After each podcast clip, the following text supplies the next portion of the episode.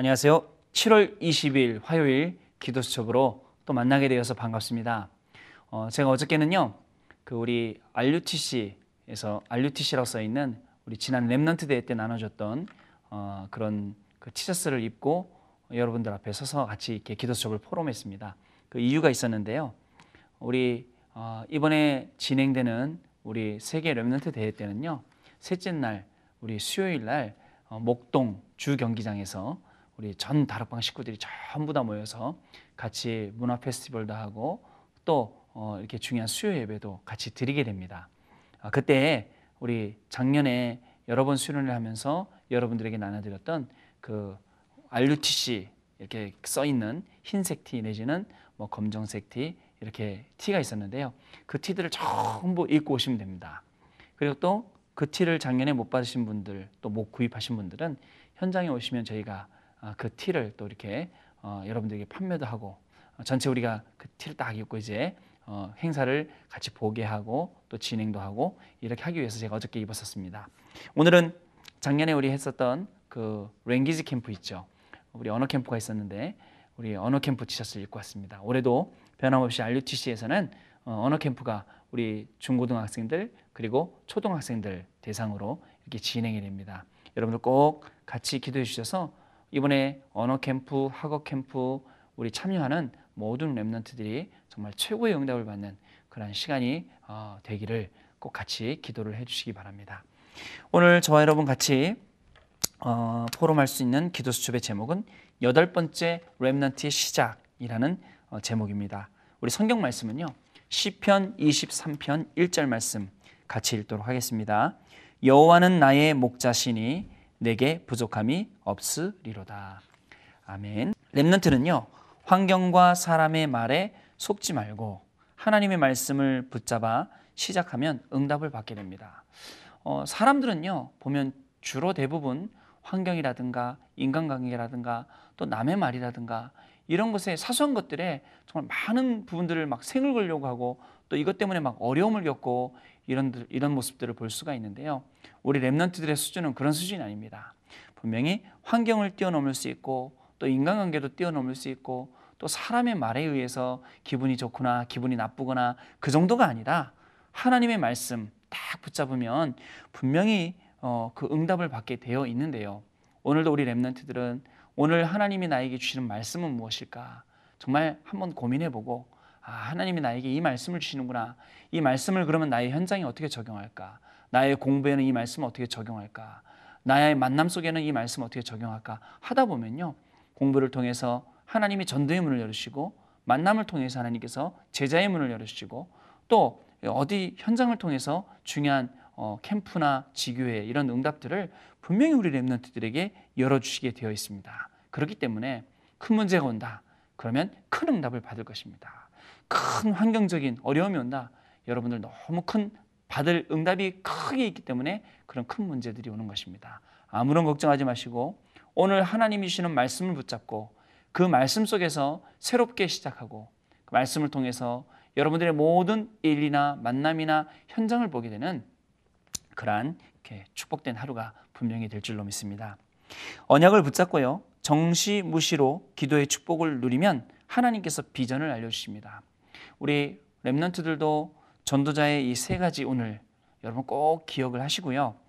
어, 정말 우리 인생의 전체를 놓고 하루에 5분이라도 아침, 점심, 저녁 1분, 2분이라도 정말 오늘 나에게 주시는 말씀과 오늘 내가 해야 될 기도와 오늘 나의 전도는 무엇일까? 이런 고민할 시간이 없다면 참 그것은 아니라고 생각을 합니다. 여러분들 작지만 여러분들의 인생을 놓고 내가 이렇게 살아야 하나? 내가 앞으로 어떻게 살 것인가? 나는 무엇을 위해서 무엇으로 살 것인가? 이러한 중요한 부분들을 하나님의 말씀을 놓고 기도하면서 잘 한번 묵상을 해 보시길 바랍니다. 그러면 하나님께서는 전도자의 삶 오늘을 통해서 하나님께서 우리 렘넌트들에게 큰 응답을 부어 주실 것입니다. 어느 날요 하나님께서 주시는 힘을 얻을 때 올바른 시작을 할 수가 있습니다.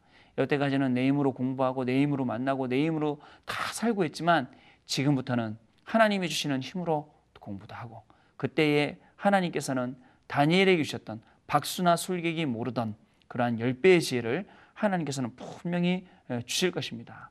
또 하나님께서는 여러분들 현장에서 그 많은 만남들을 또 제자의 만남으로 만들 수 있는 그러한 힘도 주실 것이고 여러분들이 그냥 평상시처럼 다녔던 학교라든가 학원이라든가 모든 이런 현장 가운데에 아, 하나님께서 이래서 이 현장에 지교의 응답을 놓고 이런 캠프의 응답을 놓고 나를 보내셨구나라고 발견할 정도로의 중요한 응답들을 분명히 주시게 되어 있습니다.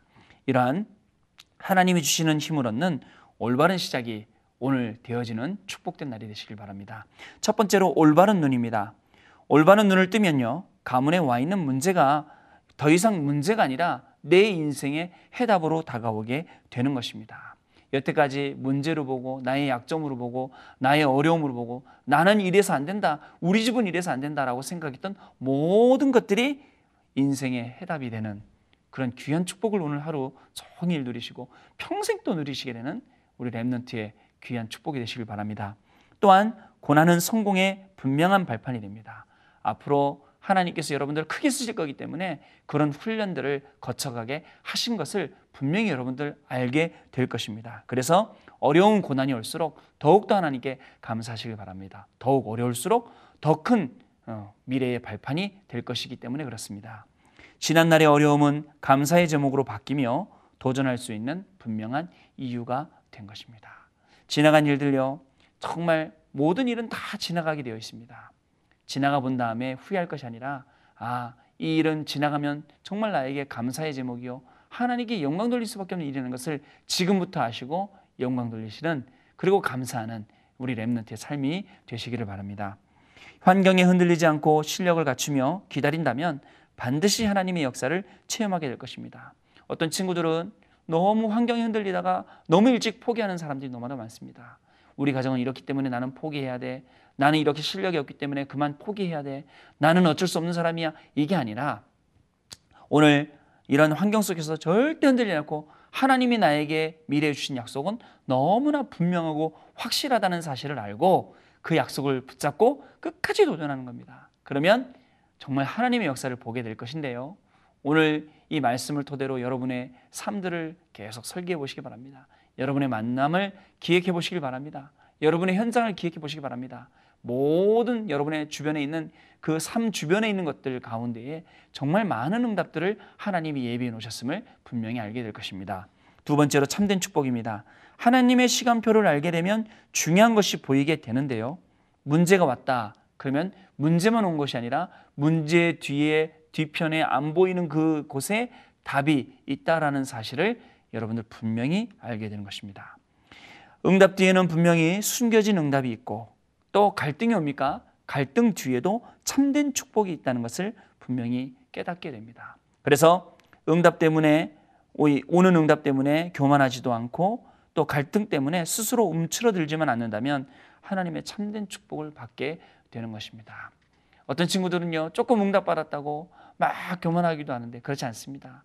우리가 받아야 할 응답은 세계복음화라는 아주 큰 응답이고 그 속에 하나님이 RUTC와 Remnant 운동과 OMC와 중직자 시대와 이런 어, 부교육자 시대 또 미자립 시대 문화복지 시대 이런 많은 응답들을 예비해 놓으셨습니다. 그렇기 때문에 우리가 받아야 할 응답의 아주 작은 부분이기 때문에 우린 겸손하면서도 하나님께 감사하고 또 주실 응답들을 바라보고 이렇게 미래를 준비하는 그런 시간이 되어야겠습니다.